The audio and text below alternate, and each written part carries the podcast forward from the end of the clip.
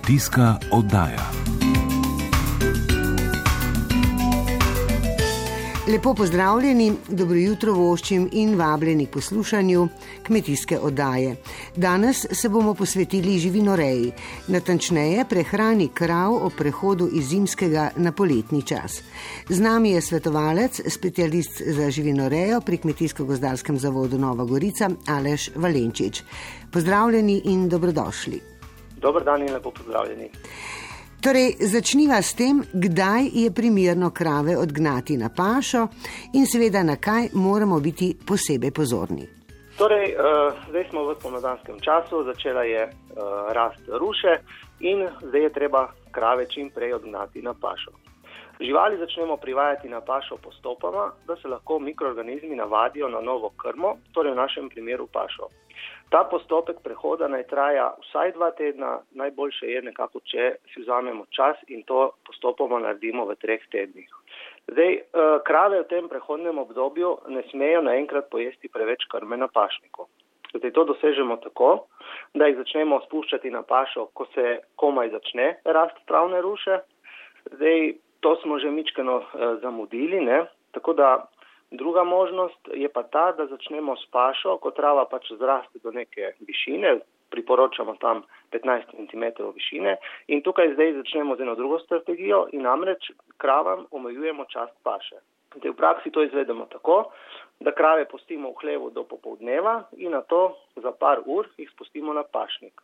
Krave naj gredo na pašnik site, Čas paše z dneva v dan podaljšujemo, dokler ne pridemo do nekega maksimalnega časa paše, to je nekje 9 ur paše na dan. Na ta način zagotovimo, da krave zaužijejo dovolj ostale krme v hlevu, ki pomaga rejcu, da kravam uravnoteži obrok na paši.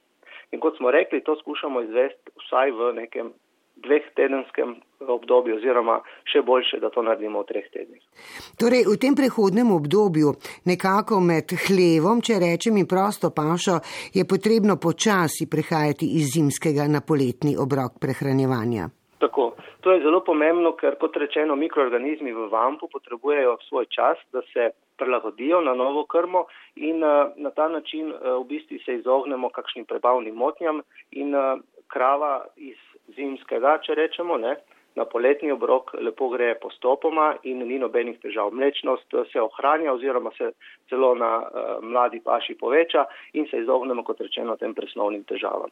Poletni obrok eh, krav temeli seveda na paši, kot smo rekli, vendar pa ga moramo tudi ustrezno dopolniti. S čim? E, tako. Zdaj, če mogoče naprej povemo, kakšne so specifike oziroma značilnosti te mlade eh, paše in bomo na ta način mogoče tudi lažje razumeli, kako ta obrok potem tudi dopolnemo. Zdaj, eh, paša vsebuje malo strukturne vlaknine, ki pa je nujna za eh, normalno delovanje vampa. Torej, prva stvar, malo strukturne vlaknine. Druga stvar pri paši je ta, da se tekom pašne sezone spreminja kakovost. Torej, najkvalitetnejša paša je spomladi, potem poleti pridemo v neko obdobje suše, kjer se kakovost zmanjša in prav tako poleti se poveča vsebnost vode v paši, kraje potrebujejo več časa za pašo in je tako tudi manj kvalitetnejša. Vsebuje dosti surovih beljakovin, posebno nebeljakovinskega dušika in še uh, specifika paše je ta, da vsebuje dosti vitaminov, predvsem vitamina A, dobijo tudi dosti vitamina D z soncem, tako da je bogata z vitamini. Zdaj, kako potem poletni obrok dopolnemo v hlevu? Uh, prvič damo strukturno krmo, torej to je suha travna silaža, mrva, slama, koruzna silaža. Drugič moramo dodati energijo obroku. To naredimo, če imamo koruzno silažo, s pomočjo kopavin, pesni rezanci, žita. Zdaj za tiste krave, ki imajo res uh, izredno visoko mlečnost, moramo dodati tudi neke beljakovinske uh, krme. Ta beljakovinska krma uh, naj bo takšna, da ima nizko razgradljivost beljakovin, rečemo, Primer takšne krme je recimo koruzni gluten oziroma pri dobavitelju krme se pozanimajte in vam bojo že v bistvu svetovali in pomagali najti primerno krmno komponento. Ne smemo pozabiti na mineralne dodatke, ponavadi na paši primankuje natrija, se pravi dodajamo sol, fosfor in pa magnezij. Zdaj, če pomankanje fosforja lahko prije do plodnostnih težav, pri magneziju pa lahko privede do tako imenovane pašniške tetanije. To so torej neke presnovne bolezni, ki se lahko pojavijo ob deficitu uh, mineralov. Vsekakor je od prehrane odvisna eh, bodi si kakovost mleka ali pa potem morda tudi kakovost eh, mesa. Ne? Tako, sigurno. Kot rečeno, paša kot sama paša ni primeren obrok za prežvekovalce in to moramo tudi ustrezno uh, dopolniti. Sploh pri visokoproduktivnih uh, kravah moznicah. Mogoče nekoliko drugače je pri uh, doiljah, tam je mlečnost uh, manjša in tam uh, nekako od živali pričakujemo, da bojo letno priredile eno tele. Tudi tukaj se moramo pač potruditi, uh, mogoče v tistem prehodnem obdobju dodati seno na pašnik, torej pri doiljah, ali pa kot rečeno neko slamo ali pa bolj suho travno silažo, da se lažje naredi ta obrok in ne smemo pozabiti na minerale, nikakor pa ne smemo pozabiti potem tudi na vodo na pašniku. Krave muznice z veliko eh, mlečno proizvodnjo potrebujejo tudi dosti vode. Ne? Če damo za primer krava, ki proizvede 27 kg mleka, potrebuje eh, pri temperaturi 5 stopinj Celzija cirka 84 litrov vode, ko gre temperatura na vzgor, torej ko se temperatura okolja viša, tudi popije več vode, tako naprimer pri 15 stopinjah popije 100 litrov vode ista krava in pri 28 stopinjah pa že 104 litre vode. Tako da ne smemo pozabiti tudi na uh, vodo na pašniku. E, ob krmi in vodi pa je seveda živalim potrebno zagotoviti tudi senco. Tako. Zelo priporočljivo je, da imamo na pašniki tudi senco, tudi za tiste krave, ki jih uh, dnevno damo nazaj v hlev, je pomembno, da se lahko v vročini umaknejo iz uh, sonca. Možnost v poletnem času, ko imamo tiste ekstremne vročine, ko prihajamo v vročinski stres, je tudi paša po noči, tako da lahko krave spuščamo tudi na pašo po noči. To je tudi ena od takih strategij, sicer ni povsod mogoča, ampak ena od uh, možnosti. Tako. Alež Valenčič, rekli ste, da zdaj je čas, eh, da čim prej odženemo eh, žival na pašo, ampak eh, smo kar v nekem sušnem obdobju, kar pomeni, da ruša najbrž slabo raste. Kaj bi svetovali? No, tako ja, pravi imate. Ja. Pričakujemo dež, pravkar malo dežuje pri nas, ne, tako uh, upamo, da bo ga palo dosti, ampak napoved je trenutno slaba in dejansko ja, smo v nekem zelo sušnem obdobju, rast travne ruše trenutno je zelo slaba. Nekako v tem obdobju, konec aprila na primorskem v določenih delih pričakujemo že prvi odkos, letos tega odkosa uh, še ne bo. Odvisno bo seveda od držja in od količine padavin, ki jih zdaj pričakujemo v teh dneh, eh, vsekakor je potrebno tudi s pašo nekako počakati oziroma si organizirati, če vidimo, da na vidiku ni držja, če vidimo, da je ta uh, rast slaba, eh, nekako potem organiziramo pašo na ta način, da ko enkrat začnemo past, da imamo uh, na voljo zadosti paše, da te ne prekinjamo, tako da boljše je kak dan počakati in zagotoviti zadostno količino paše, kot pa da se mogoče prenaglimo zdaj v tem obdobju sušnem in potem prekinemo s pašo. Na ta način spet eh, je potrebno prilagajati oziroma privajati mikroorganizme na nov obrok in tako naprej in eh, lahko naredimo potem tudi več škode, kot pa koristi, če tako rečem. E, skratka, s pametjo bi rekli, početi tudi te stvari. Tako. Aleš Valenčič, najlepša hvala za te informacije in seveda za koristne nasvete vsem živinorejcem. Hvala tudi vam in lep pozdrav.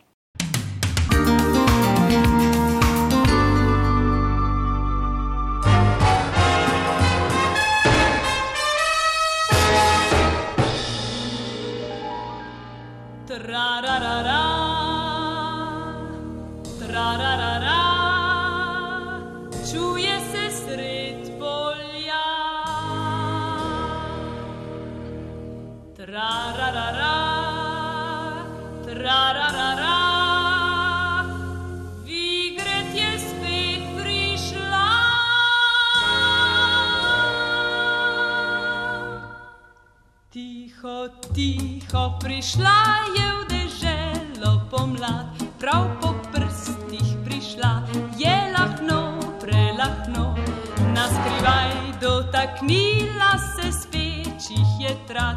poljubila jih nežno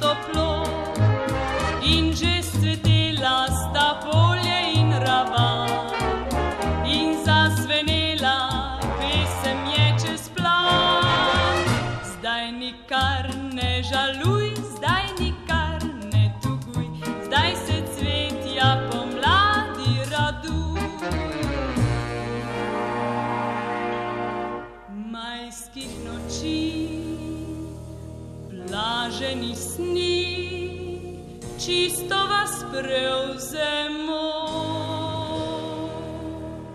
Smele želje, tiho v srce, kradejo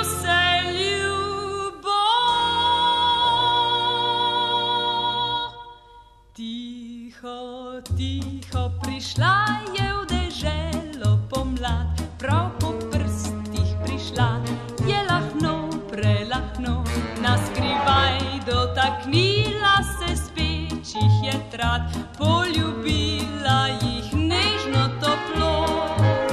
In že cvetela sta polje in ravan. In zazvenela pesem je čez plan.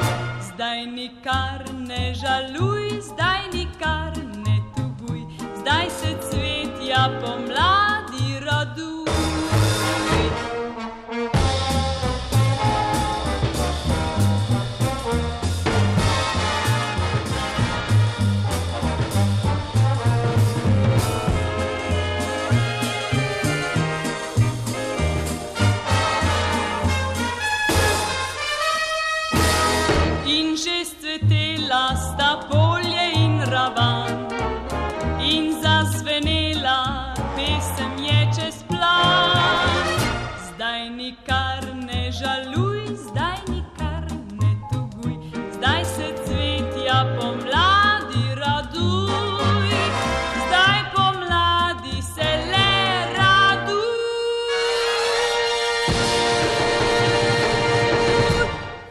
Nadaljujemo pa z zelišči. V tem pomladanskem času se namreč prebujajo in tudi začimne rastline, ki so nam lahko v veliko pomoč v boju proti bakterijam in virusom. Andrej kot crkvenik zeliščno-etnološke domačije Belajevi iz Kačič je Sabrina Mulec povprašala, katera dela na zeliščnem in začimnem vrtu je treba opraviti v tem času.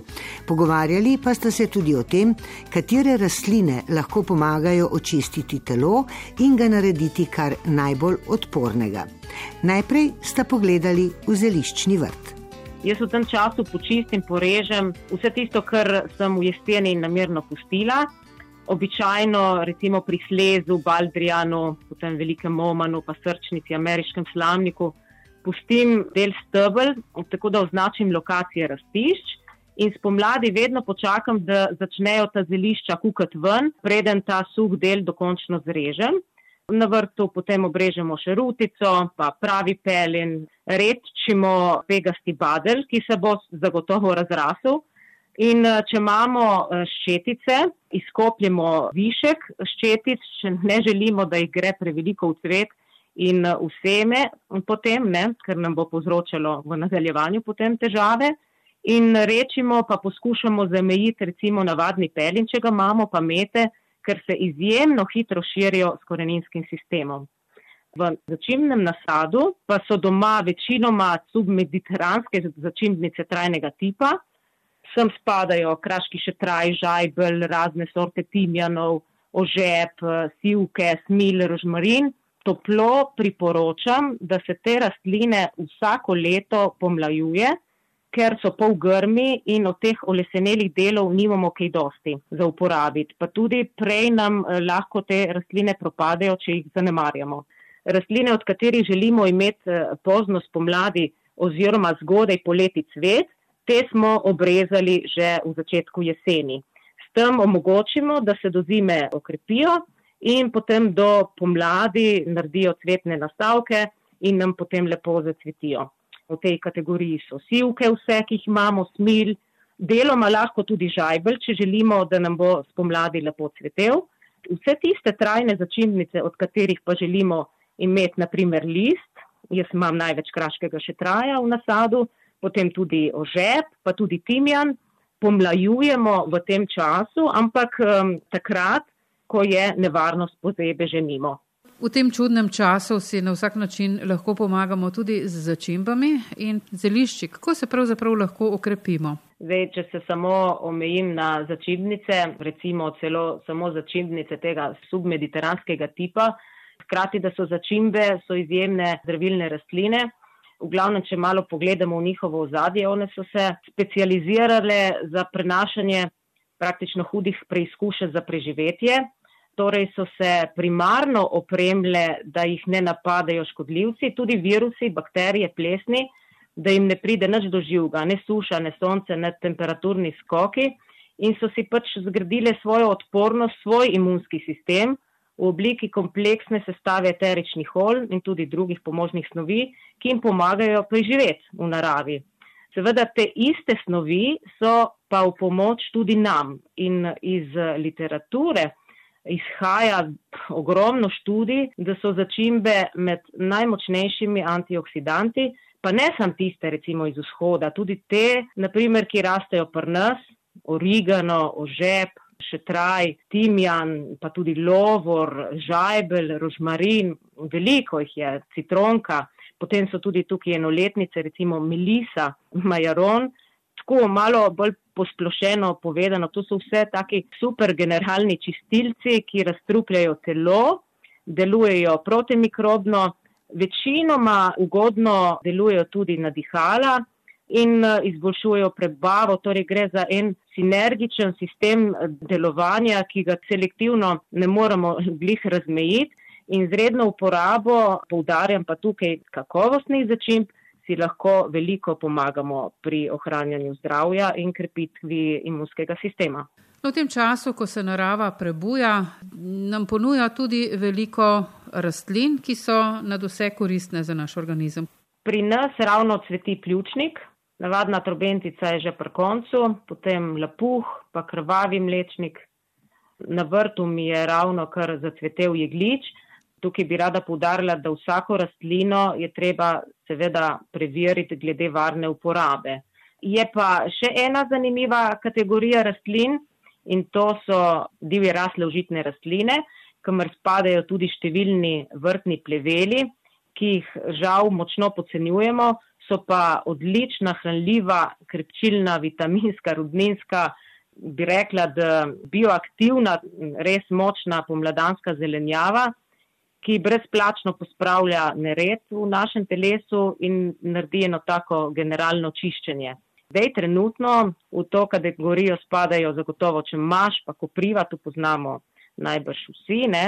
ampak potem je tukaj regačica, ki jo spretno mi pulimo ne, iz naših gredic, če se razraste in je odlična zelenjava. Potem so tu razni divji luki, pa česnov, kar zdaj v potehju lahko najdemo, pa kurja črevca pa regrad, dimek, škrbinka. Zdaj je res ogromno tega, recimo meni je na vrtu zacvetela travniška penuša. In vse te divjinke so v pomladnem času res nabite življensko energijo, in vse to so gradniki našega imunskega sistema. Za danes zaključujemo in vam želimo vse dobro. Ingrid Kašca Bucik in Igor Valentinčič. Ponovno vabljeni v našo družbo prihodnjo nedeljo. Dotlej pa srečno.